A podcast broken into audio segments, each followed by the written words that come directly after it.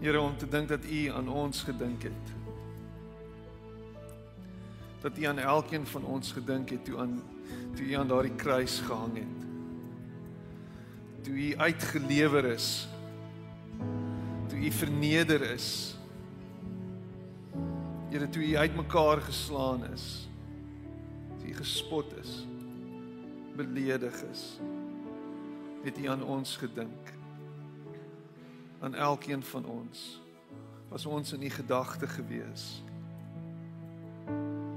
Here om te dink dat u hierdie pad gekies het. Dat u dit willens en wetens gedoen het. Dat u bereid was om dit te doen. Dat u self neergelê het. Die een wat van die begin af daar was, deur wie alles tot stand gekom het die een wat heers oor alles het gekies om te hang aan 'n kruis vir ons. Om so die dood te oorwin om so die duiwel te verneder en te vernietig. Here ons is dankbaar vir u. Dankbaar vir die werk wat u gedoen het. Dankbaar Here dat u u self so gegee het Vanoggend dink ons terug aan daardie dag. Vanoggend her, herdenk ons daardie geleentheid. Vanoggend word ons weer herinner aan aan die grootsheid van dit wat gebeur het. En mag ons vanoggend wanneer ons hier uitstap, uitstap met die wete dat ons geliefdes van U is. Dat ons vergewe is, dat ons vrygespreek is, dat ons losgemaak is van die van die las van die sonde. En dat die dood geen houvas meer het oor ons nie. Mag ons ver oggend herinner word daaraan, Here dat ons vry is en dit alles te danke aan U. Ons loof U en ons prys U daarvoor.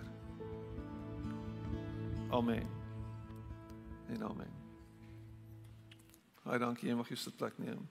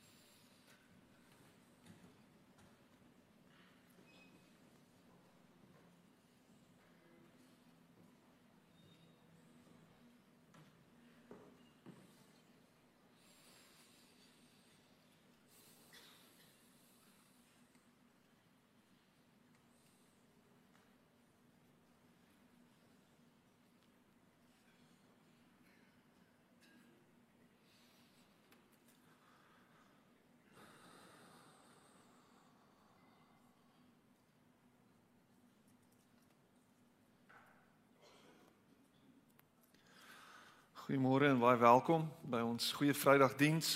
Ek glo en vertrou dat jy tot dusver die diens saam met ons geniet het.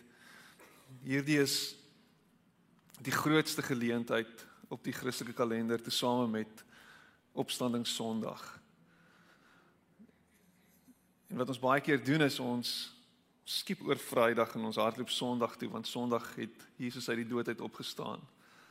Maar ons kan nie Vrydag net so vinnige once over gee en net sê kom ons gaan net aan beweeg net aan. Nee. Ons moet stil staan by hierdie geleentheid. Ons moet stil staan by die grootsheid van dit wat gebeur het. En baie keer is Vrydag goeie Vrydag 'n somber geleentheid. Ons ons word gekonfronteer met die aakligheid van die dood. En ons as westerlinge is nie altyd gemaklik met hierdie situasie nie. Dit is nie gemaklik met die dood nie. Ons wil die dood so half vermy. Ek sê nie half half vermy, ek meen ons wil dit vermy ten alle koste. Ons wil wegkom van dit af. Maar ons moet gekonfronteer word daarmee om te besef dat Sondag die oorwinning oor die dood nie kon plaasvind as Vrydag nie gebeur het nie. So ons gaan vanoggend gaan ek 'n baie lang stuk lees. Ek vra net dat julle die die klank net so bietjie sagter maak. Hy's op die punt om te kringfluit. Um en uh, ek gaan jou nooi om jou oë dalk toe te maak. Net te luister. Luister net na die storie. Ek gaan dit probeer om so mooi as moontlik te lees. Luister en probeer jouself in hierdie storie inleef. Probeer half die oomblik indrink en dit het gebeur het. Probeer jouself in Jesus se posisie sit. Probeer dink waardeur het hy gegaan. Probeer die atmosfeer ervaar. Daar was 'n atmosfeer. Dis iets in die lug gewees. En dan gaan ons so 'n bietjie verder daaroor gesels. Maar laat die storie met jou praat vanoggend en ons lees hier uit Johannes die 18de hoofstuk uit. Vanaf vers 38 tot hoofstuk 19 vers 30. En toe het hulle vir Jesus van Kajafas af na die amptswoning van die goewerneur toe gebring. Dit was die môre vroeg. Hulle het self nie in die amptswoning ingegaan nie sodat hulle nie onrein sou word nie, maar die paasmaaltyd sou kon eet. Pilatus het buite na hulle toe uitgegaan en gevra: "Watter aanklag bring julle teen hierdie man in?" En hulle het hom geantwoord: As hy nie 'n misdadiger was nie, sou ons hom nie aan u uitgelewer het nie. Pilatus sê toe vir hulle: "Vat julle hom en veroordeel hom volgens julle wet." Maar die Jode sê vir hom: "Ons mag nie iemand teregstel nie." Dit het gebeur sodat die woorde van Jesus vervul kon word wat hy gesê het toe hy aangedui het op watter manier hy sou sterwe. Pilatus het toe weer in sy amptswoning ingegaan en Jesus geroep en vir hom gevra: "Is jy die koning van die Jode?" En Jesus het hom toe gevra: "Gevra, vra u dit uit u eie of het ander dit vir u van my gesê?" Ek is mos nie 'n Jood nie, antwoord Pilatus. Dit is jou volk en jou priesterhoofde wat jou aan my uitgelewer het. Wat het jy gedoen? My koninkryk is nie van hierdie wêreld nie, antwoord Jesus. As my koninkryk van hierdie wêreld was, sou my onderdane geveg het sodat ek nie aan die Jode uitgelewer sou word nie. Maar nou is my koninkryk nie van hier nie dan is jy tog wel 'n koning vra Pilatus. Dit is soos u sê ek is 'n koning antwoord Jesus. Ek moet oor die waarheid getuienis af lê. Hiervoor is ek gebore en hiervoor het ek na die wêreld toe gekom. Elkeen wat aan die waarheid behoort luister na wat ek sê. Wat is waarheid? sê Pilatus toe vir hom. En toe hy dit sê gaan hy weer uit na die Jode toe en sê vir hulle ek vind geen skuld in hom nie Maar julle is gewoond dat ek vir julle gedurende die Paasfees iemand loslaat. Wil julle hê ek moet die koning van die Jode vir julle loslaat? Hulle skreeu toe terug, nie vir hom nie, maar vir Barabbas. En Barabbas was 'n rower. Toe het Pilatus vir Jesus geneem en hom laat gesel. Die soldate het 'n doringkroon gevleg en dit op sy kop gesit. Hulle het hulle het vir hom 'n pers mantel aangetrek en herhaaldelik nader na hom toe gekom en gesê: "Ons groet u koning van die Jode." En elke keer het hulle hom geklap. Pilatus het toe weer buitentoe gekom en vir die Jode gesê: "Kyk, ek bring hom vir julle buitentoe sodat julle kan weet dat ek geen skuld in hom vind nie." Toe het Jesus buitentoe gekom, nog so met die doringkroon op en die persmantel aan en Pilatus sê toe vir hulle dit is die mens. En toe die priesterhoofde en die wagte hom sien skreeu hulle kruisig hom, kruisig hom, vat julle hom en kruisig hom. Sê Pilatus daarop vir hulle, want ek vind geen skuld in hom nie. Die Jode sê toe vir hom Ons het 'n wet en volgens die wet moet hy dood omdat hy hom as die seun van God voorgedoen het. Hy het weer in sy amptswoning ingegaan en vir Jesus gevra: "Waar kom jy vandaan?"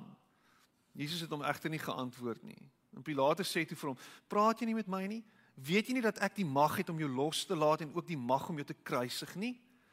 En Jesus antwoord hom: "U sou geen gesag oor my gehad het as dit nie van bo aan u gegee was nie. Daarom het hy wat my aan u uitgelewer het groter skuld."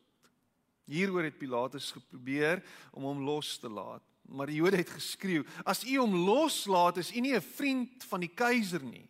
Elkeen wat homself as koning voordoen, is in verset teen die keiser." En dit was die voorbereiding van die Paasfees en dit was omtrent 12 uur die middag. Hy sê toe vir die Jode: "Hier is julle koning." Maar hulle skreeu: "Vat hom weg, vat hom weg. Kruisig hom." En toe vra Pilatus vir hulle: "Moet ek julle koning kruisig?" Die priesterhoofde antwoord: Ons het nie 'n koning nie. Ons het net die keiser. Toe het hy hom op hulle versoek oorgelewer om gekruisig te word en hulle het Jesus weggeneem. Jesus het self sy kruis gedra en hy het gegaan na die Kobbeen plek toe, soos dit genoem is in Hebreëus Golgotha. En daar het hulle hom gekruisig en saam met hom twee ander, een aan elke kant met Jesus in die middel. En Pilatus het ook 'n opskrif geskryf het en en dit aan die kruis gesit. Daar het geskrywe gestaan Jesus van Nasaret, die koning van die Jode. En baie van die Jode het hierdie opskrif gelees omdat die plek waar Jesus gekruisig is naby die stad was. En die opskrif was in Hebreëus, Latyn en Grieks en die priesterhoofde van die Jode het toe vir Pilatus gesê: "Moenie skrywe die koning van die Jode nie, maar skrywe hy het gesê ek is die koning van die Jode." Pilatus het vir hulle gesê: "Wat ek geskrywe het, het ek geskrywe." En toe die soldate Jesus dan gekruisig het, het hulle sy boklere gevat en dit in 4 dele gedeel vir elke soldaat 'n deel. Hulle het ook sy onderkleed gevat. Dit was sonder naad van bo af in een stuk gewewe. Hulle sê toe vir mekaar, ons moet dit nie skeer nie. Kom ons loot wie dit moet kry. En dit het gebeur sodat die skrif vervul kon word waar dit sê, hulle het my klere onder mekaar verdeel en vir my kleed het hulle geloot. Dit is wat die soldate gedoen het. En by die kruis van Jesus het ook nog sy moeder en sy moeder se suster en Maria, die vrou van Klopas en Maria Magdalena gestaan en toe Jesus sy moeder sien en die disipel vir wie hy baie lief was wat by haar staan, sê hy vir haar: "Daar is die seun." En daarna sê sê, sê hy vir die disipel: "Daar is jou moeder." Van daardie oomblik af het die disipel haar in sy eie huis geneem. Hierna het Jesus met die wete dat alles klaar volbring is en sodat die skrif vervul kan word gesê: "Ek is dors."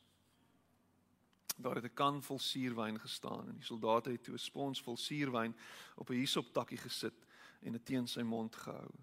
En nadat Jesus die suurwyn gekry het, het hy gesê dit is volbring. Toe het hy sy kop vooroor laat sak en die laaste asem uitgeblaas.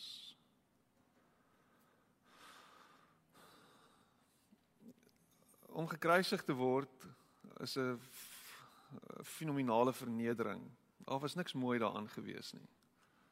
Ek het 'n klomp kruise op die verhoog laat aanbring net om ook die beeld uit te straal dat dit was nie 'n ongewone gesig gewees vir die meeste mense wat in Jerusalem hulle self bevind het om gekruisigde mense te sien nie. Oral by die ingange na die stad toe het mense aan kruise gehang reg deur die jaar. Die Romeine het daarvan gehou om spektakel te maak van rebelle, mense wat hulle verset het in die Romeinse ryk. So jy sou instap die stad in en hier sou iemand aan 'n kruis hang besig om te sterf of wat klaar gesterf het. As jy klaar gesterf het, kon jou familie 'n beroep gemaak het op 'n Romeinse um regter en so jou liggaam dan van die kruis kon afhaal en gaan begrawe. As hy dit nie toegestaan het nie, moes jou lijk aan die kruis gehang het terwyl die voëls en die honde en alles aan jou knaag en eet. Dit was afgryslik. Daar was niks moois hier aan gewees nie. Mense het gehang nie met klere nie, nie met 'n onderbroekie soos wat baie van die foto's uitbeeld nie. Hulle was totaal en al naak gewees aan die kruis. Dit was afgryslik. Voordat jy gekruisig is, is jy eers gemartel, jy's geslaan. Jy's jy's gespot. Hulle sal jou bene breek, hulle sal jou letterlik aftakel. En gewoonlik sou mense sterf nog voordat hulle gekruisig word. Jesus het deur daai pyn gegaan. Daar's niks romanties aan die kruis nie. Daar's niks mooi aan die kruis nie.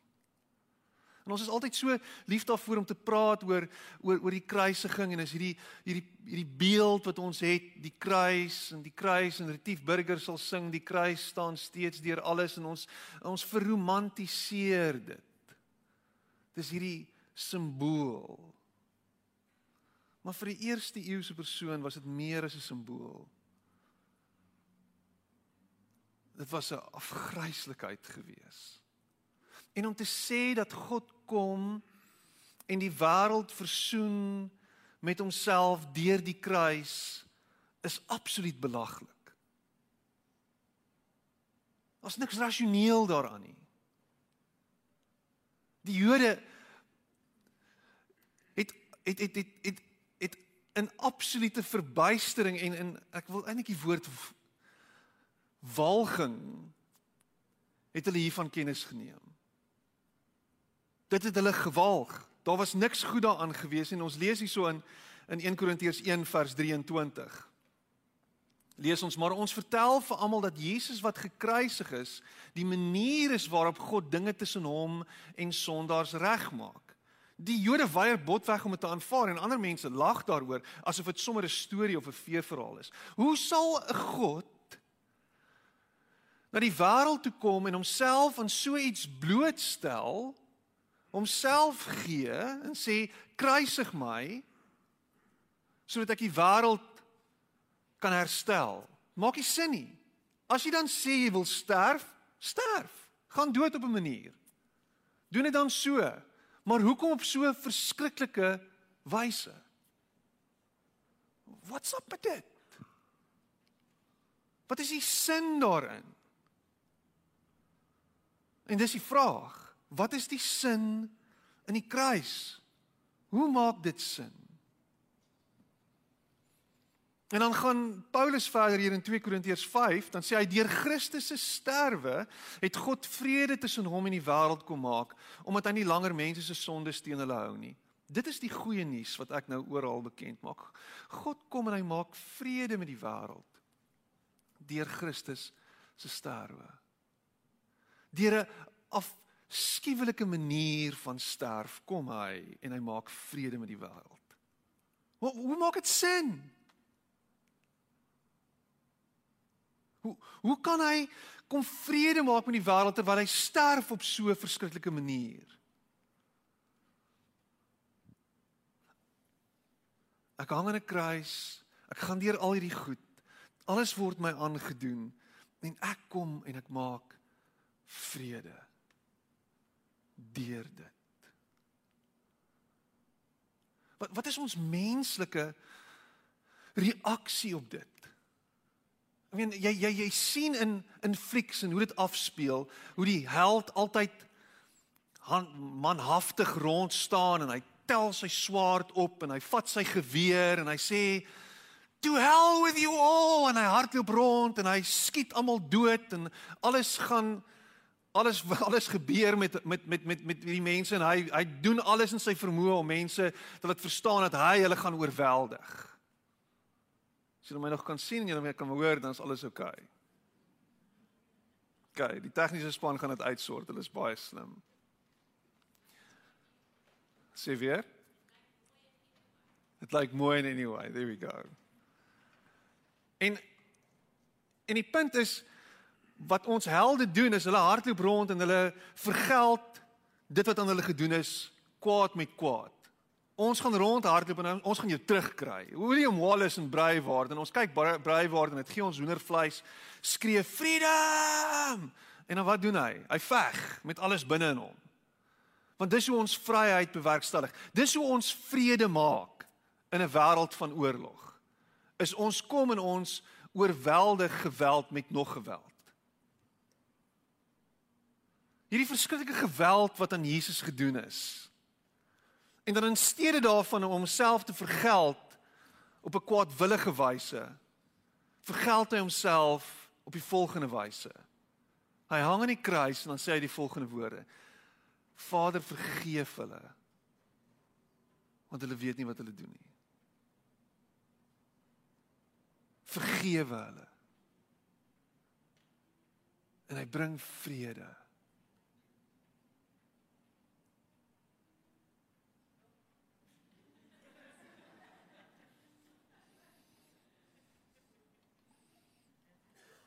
Ons het dit nie so geoefen nie, hoor.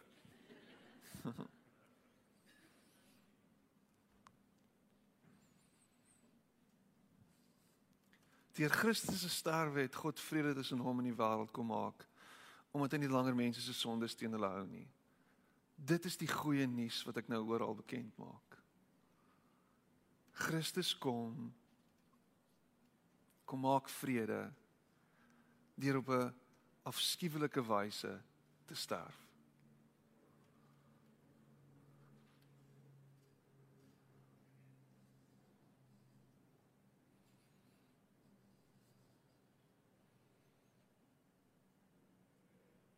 Fleming Rutledge skryf in the crucifixion skryf hy hy skryf die volgende en hierdie is baie belangrik om te hoor in die lig van wat nou net gesê is. God did not change his mind about us on account of the cross or on any other account.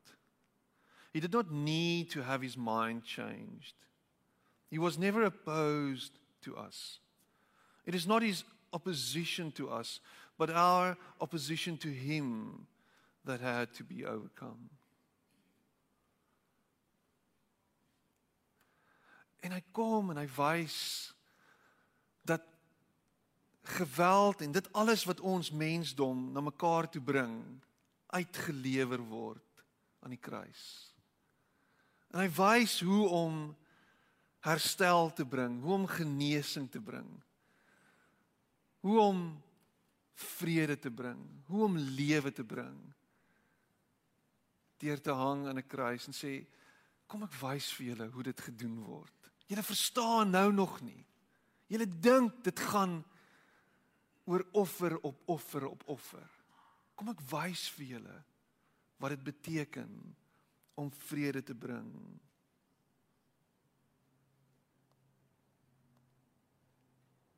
Brian Zant sê en ek ek het hom al aangehaal en jy sal moontlik van hierdie aanhalings onthou. Hy sê on Good Friday all the disparate sins of the world amalgamate into the sin of the world whether flowing forward in time or backward in time, every human sin, every act of selfishness, every debasing degrade, degradation coalesces in an awful singularity at the cross. What is the sin of the world?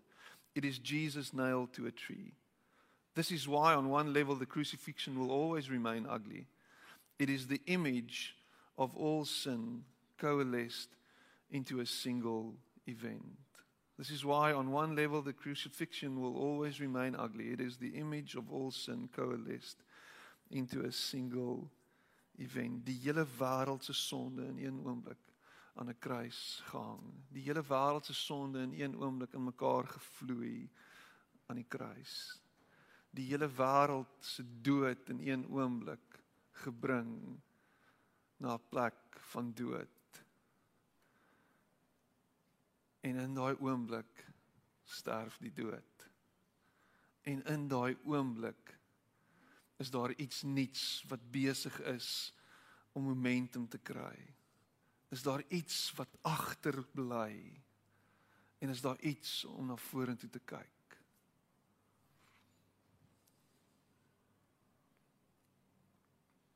Hy gaan verder. Hy sê but that's not all the cross is.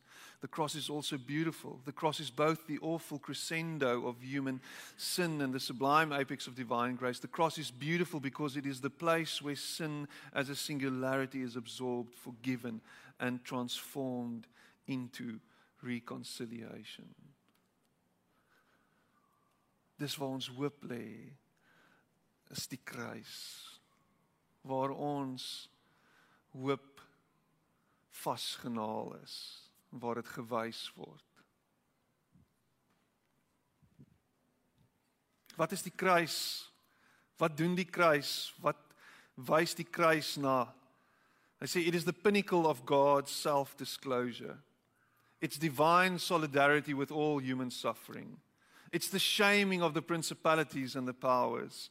It's the point from which the Satan is driven out of the world. It's the death by which Christ conquers death. It's the abolition of war and violence. It's the supreme demonstration of the love of God. It's the refounding of the world around an axis of love. It's the enduring model of co suffering love we are to follow. It's the eternal moment in which the sin of the world is forgiven. Die kruis is een ongelooflike gebeurtenis en as dit nie vir dit was nie was daar vir ons geen hoop gewees nie. Die kruis is nie net 'n gereduseerde ding in een of ander teorie nie. Dit kan nie net in een teorietjie vervang vervang en gevat, vervat word en sê ons, "Oké, okay, dis wat die kruis beteken. Leer hierdie strofe uit jou kop uit en as jy hierdie ding agter my aan sê, dan is dit wat die kruis doen vir jou nie." Die kruis is soveel meer as een of ander beginsel wat ons saam met ons dra ons hele lewe lank. Die kruis is 'n storie van 'n God wat so lief is vir die mensdom dat hy homself gee sodat ons gered kan word en sodat daar vir ons hoop kan wees, sodat ons nie vasgevang bly in ons wanhoop en in ons en in, in ons sondige natuur nie. Dis wat die kruis kom doen. Die kruis kom gee vir ons hoop om te lewe in oorwinning en in oorvloed. Jesus kom en sê 10 Johannes 10 vers 10 ek sê ek het gekom om vir julle lewe te gee en dit in oorvloed. Want julle kan nie op julle eie dit doen nie. Julle verstaan nie waaroor die lewe gaan nie. Julle mis die punt. Kyk hoe lyk die wêreld rondom julle. Kyk wat gaan aan in die wêreld. En is asof ons nog steeds 2000 jaar later nog steeds nie verstaan wat die kruis kom doen het nie nog steeds nie besef wat die kruis vir ons beteken nie. Nog steeds nie verstaan dat geweld nie die antwoord is nie.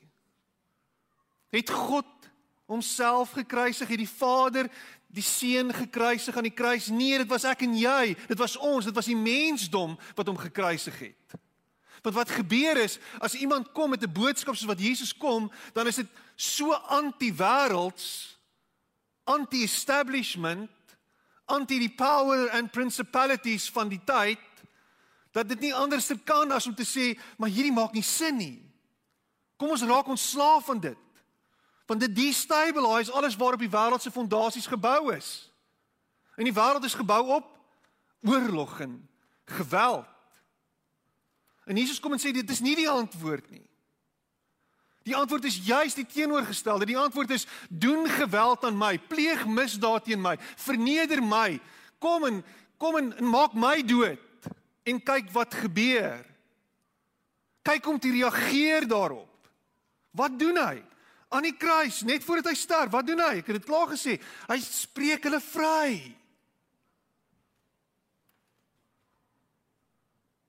Maar wat doen ons? Ek gaan jou terugkry. Jy doen nie dit aan my nie. Ek gaan jou nie vergewe nie. Jy moet my eers om verskoning vra. En tot dan is daar 'n berg tussen my en jou, sing Good Darren.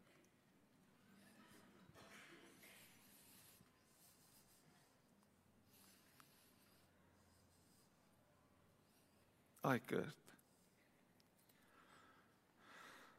Aan die kruis het hy al jou en my sondes op hom geneem.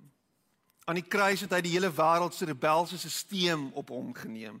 Het hy die korrupte en gefalle ou skepping op hom geneem. Het hy die veroordeling van die wet geneem op hom. Het hy ons ou vleeslike Adam natuur geneem op hom en het hy die mag en die krag van Satan of die Satan die beskuldiger, die aanklaer geneem en hy het dit alles gekruisig.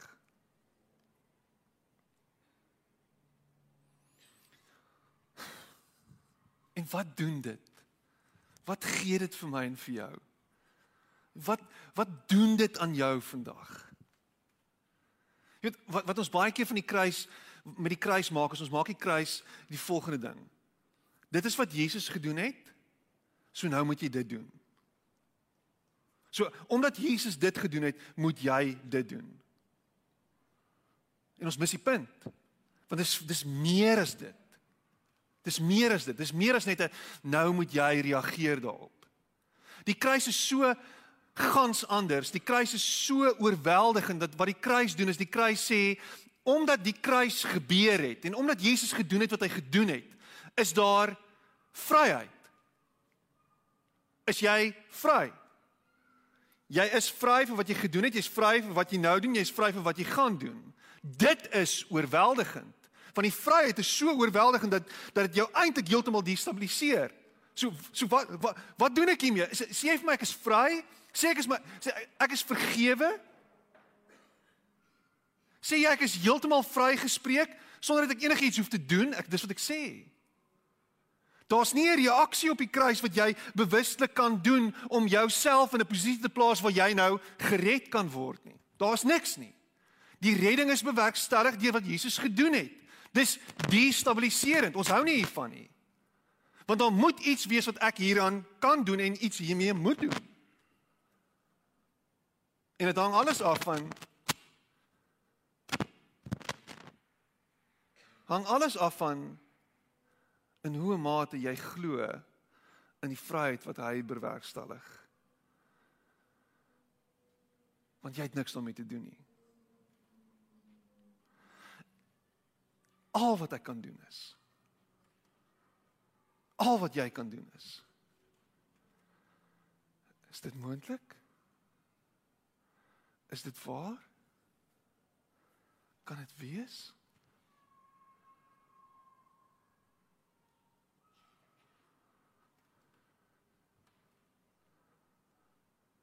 Is daar geen verwydering tussen my en God nie? Is daai muur afgebreek?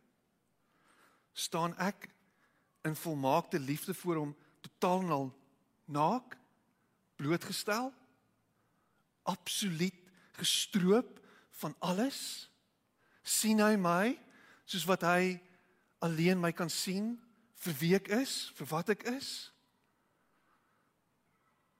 en steeds draai nie sy rug op my nie. Steeds stap hy nie weg van my af nie.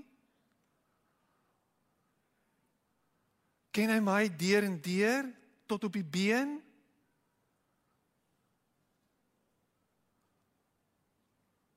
En hy steeds lief vir my.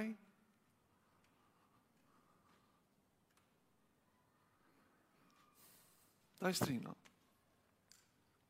Die voorbeeld is Kyk wat doen ek vir jou. Jesus het sonder 'n draadklere aan die kruis gehang. Jesus was ontbloot.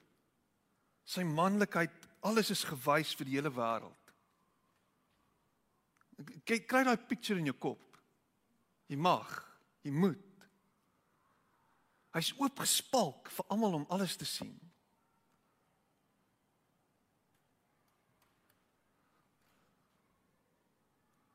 En in dit wys hy vir ons ons eie menslikheid. Want hy het mens geword, soos ek en jy. En hy kom wys dit. Dis hoe God my sien. Dis hoe julle my sien. Dis hoe ek julle sien. En jy hoef nie weg te kruip nie. Jy hoef nie skaam te wees nie.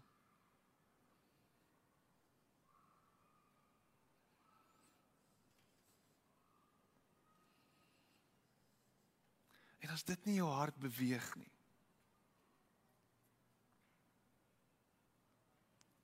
Wil ek jou challenge hiermee? Trust dit. Vertrou dit. Want dit is reël.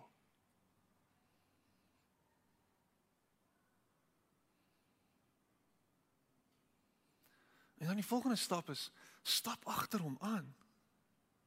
Volg hom. Gee jou lewe vir hom. Sê Here, ek vertrou U met my alles. Want wat doen ons in 'n verhouding? In 'n in 'n huweliksverhouding maak ons onsself heeltemal vulnerable. Ons stel onsself heeltemal oop. Heeltemal. En ons vertrou dat die ander persoon nie op my hart gaan trap nie nie my hart gaan vat en op die grond sit en trap nie. Maar dit gebeur. Dit maak seer. En wat ons baie keer doen is dan begin ons ons hart beskerm en ons steek onsself weg en ons kruip weg want ons wil nie verder seer gemaak word nie. So uiteindelik word ons harte hierdie gevangene. C.S. Lewis praat daaroor oor vulnerability. Ek het dit al baie aangehaal. En dan bevind ons onsself op 'n plek waar daai intimiteit nie meer daar is nie. Al wat Jesus van jou vra is kom. Ek het jou gesien net soos jy is. Ek gaan jou nie verneder nie. Ek gaan nie verder vertrap nie. Ek gaan jou nie ek gaan jou nie afkraak nie. Ek gaan jou nie beledig nie. Ek gaan niks met daai goeders doen nie. Kom net soos jy is na my toe. Stap saam met my.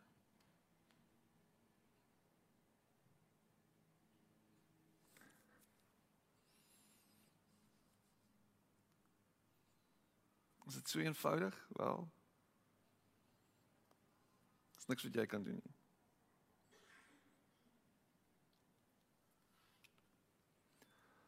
Hebreërs 2 vers 14 tot 18 sê hy die volgende. Die die Hebreërs skrywer. Hy sê aangesien hierdie kinders mense van vlees en bloed is, het hy ook net soos hulle mens geword. Dit het hy gedoen om deur sy dood die een wat mag het oor die dood, dit is die duiwel, te vernietig en om hulle wat uit vrees vir die dood hulle hele lewe lank in slawerny was, te bevry. Hoekom is ons bang vir die dood? Wat is dit aan die dood wat ons so vreesbevange maak? Wat ons bang maak vir die dood is die onbekende. Dis van wat gaan met ons gebeur as ons doodgaan? Wat gaan met jou gebeur? Is is dit al wat my, ek gaan tot niet gaan? Waartoe gaan ek? Wat lê agter die gordyn van die dood vir my en loer en wag? Wat is dit? En as jy na sommige Christene luister, dan sal hulle vir jou sê dis of die hemel of die hel. En jy kan Jesus volg en jy kan nog steeds hel toe gaan. Imagine dit. So daai vrees bly by ons. Is is ek is ek goed genoeg? Het ek genoeg gedoen? Doen ek goed genoeg? Het ek die regte goed gesê en agter die regte goed aangestap? Het ek die regte besluite gemaak? Is En dan sê die Hebreërs skrywer sê dit so, hy sê hy het gekom deur sy dood het hy die een wat die mag oor die dood, die duiwel vernietig. En om hulle wat uit vrees vir die dood hulle hele lewe lank in slawerny was te bevry. Hy wil jou vrymaak van die slawerny. Hy wil jou vrymaak van hierdie vrees vir die dood. Dis wat sy dood kom doen het. Want sy dood wys vir jou maak nie saak hoe afgryslik jou dood is nie. Die dood is nie die einde nie. Die dood het nie die laaste sê nie. Die dood se angel is getrek aan die kruis. Die dood se finale nekslag is toegedien aan die kruis. Daar is niks om te vrees nie. Jy het nie nodig om allerlei formuletjies af te tik en goedjies te doen sodat jy nie iewers hoef uit te kom nie. Dit is volbring. Dit is gedoen.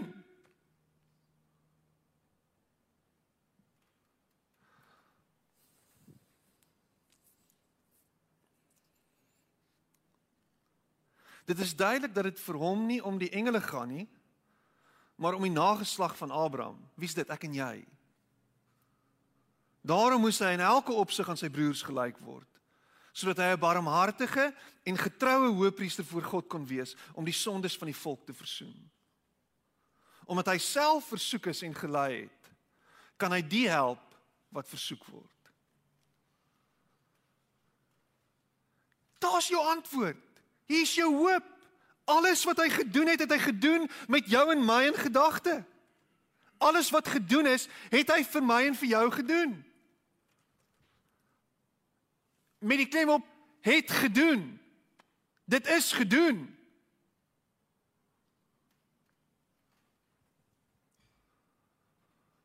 Omdat hy self daardeur gegaan het. Omdat hy self verstaan waartoe jy gaan omdat hy self besef wat dit is om mens te wees.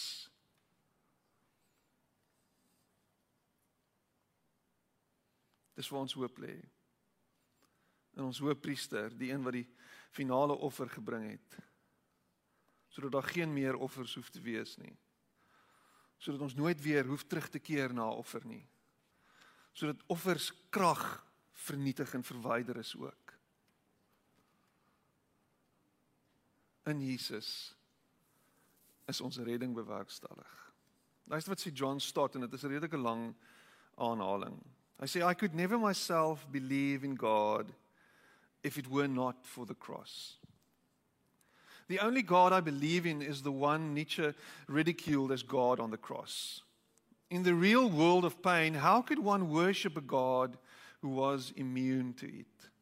I have entered many Buddhist temples in different Asian countries and stood respectfully before the statue of the Buddha, his legs crossed, arms folded, eyes closed, the ghost of a smile playing around his mouth, and a remote look on his face detached from the agonies of the world. But each time after a while, I've had to turn away, and in imagination, I have turned instead to that lonely, twisted, tortured figure on the cross, nails through his hands and feet, back lacerated, limbs wrenched, brow bleeding from thorn pricks, mouth dried and intolerably thirsty, plunged in God forsaken darkness. That is the God for me. He laid aside his immunity to pain, he entered our world of flesh and blood tears and death. He suffered for us. Our sufferings become more manageable in the light of His. There is still a question mark against human suffering, but over it, we boldly stamp another mark the cross that symbolizes divine suffering. The cross of Christ is God's only self justification in such a world.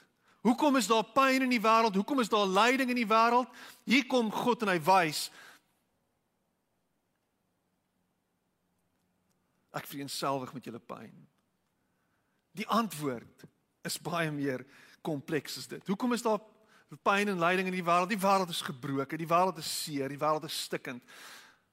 Maar ek kom identifiseer met julle pyn.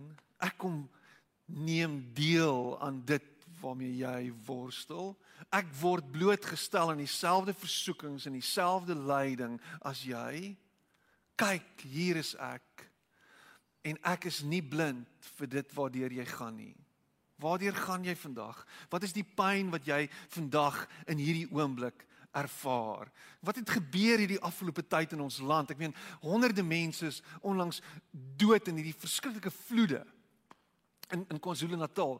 Terrible, die stories wat uitkom ouers wat hulle kinders moet dra vir kilometers ver wat dood is, gesterf het, ambulanses wat nie kom nie, dinge wat nie gebeur nie, modderstortings, kinders wat weggaan as gevolg daarvan, mense wat hulle lewens verloor. Dis absurd. Oekraïne, wat gaan aan in Rusland? Wat waarmee is hulle besig? Hoe hoe hoe kan dit wees dat in Ethiopië mense doodgemaak word op grond van waar hulle vandaan kom? Hoe werk dit dat hierdie wêreld so gebroke is? dat vrouens geen sê het nie in 'n plek soos Afghanistan daar gediskrimineer word op grond van watter geslag jy is.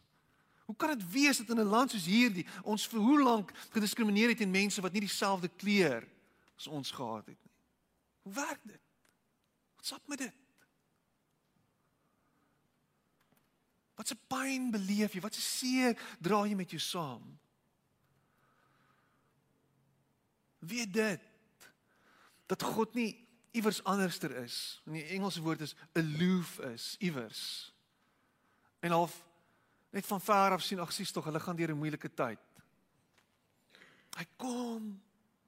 Hy gaan deur hierdie afgryslike pyn en die afgryslike lyding en hy sê hy weet waar jy gaan. Ek ken jou smart. Ek het self smart geword. Ek het self pyn geword.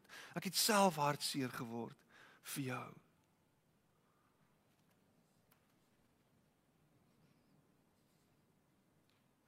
Dis die God waarin ek en jy kan vertrou vandag.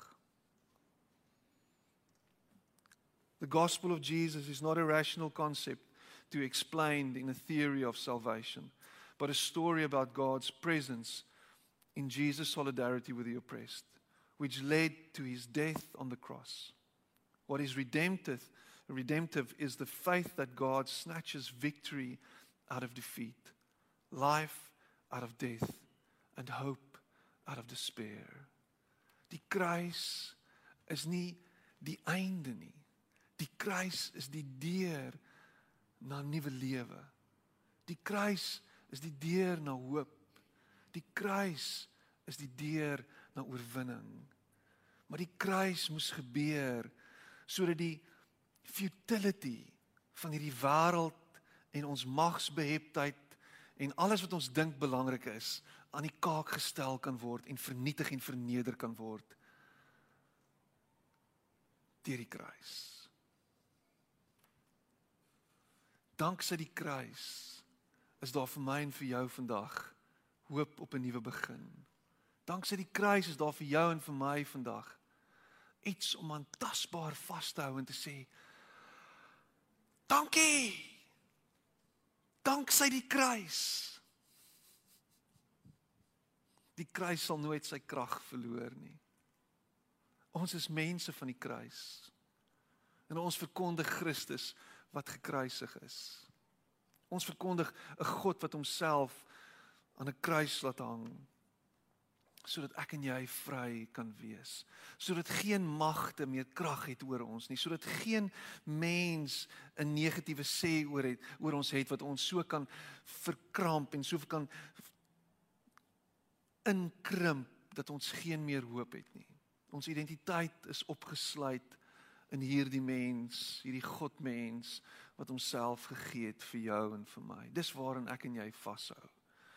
Is dat hy is wie hy sê hy is dat hy God is en dat hy vir ons nuwe lewe wil bewerkstellig. Dat hy vir ons nuwe lewe beloof. Dat daar vir ons hoop is. Al lyk dit donker. Al is dit donker.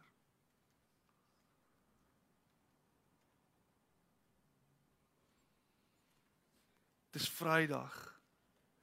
Ons Sondag kom. En saam word dit ons hoop vir die toekoms. As ons mense van die kruis is, dan weet ons dat geweld en oorlog nie die antwoord is nie. As ons mense van die kruis is, is ons mense van vrede. Is ons mense wat deel is van sy koninkryk en in sy koninkryk ingehuldig is en in sy koninkryk deel het aan 'n heerser wat regeer op 'n ander wyse. Dan kyk ons nie na die wêreld en ons verlang dit wat die wêreld bied nie kyk ons nie na die wêreld en alles wat ons dink in die wêreld belangrik is word vir ons belangrik nie. Dan kyk ons nie na die wêreld en ons plaas ons hoop in stelsels en in regerings van ons tyd nie.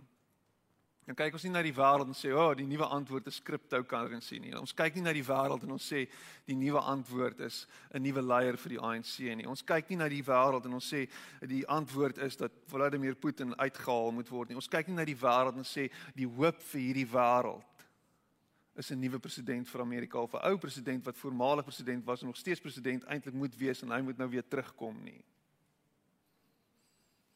Gaan ons syfer daai in. Die hoop vir die wêreld bly Jesus Christus. En hy het die finale sê. En alles is opgesluit in hom. En ek en jy kan vanoggend ons hele lewe opnuut net weer in sy hande sit en sê hier is ek. Doen slegs u wil, Heer. U wil met my.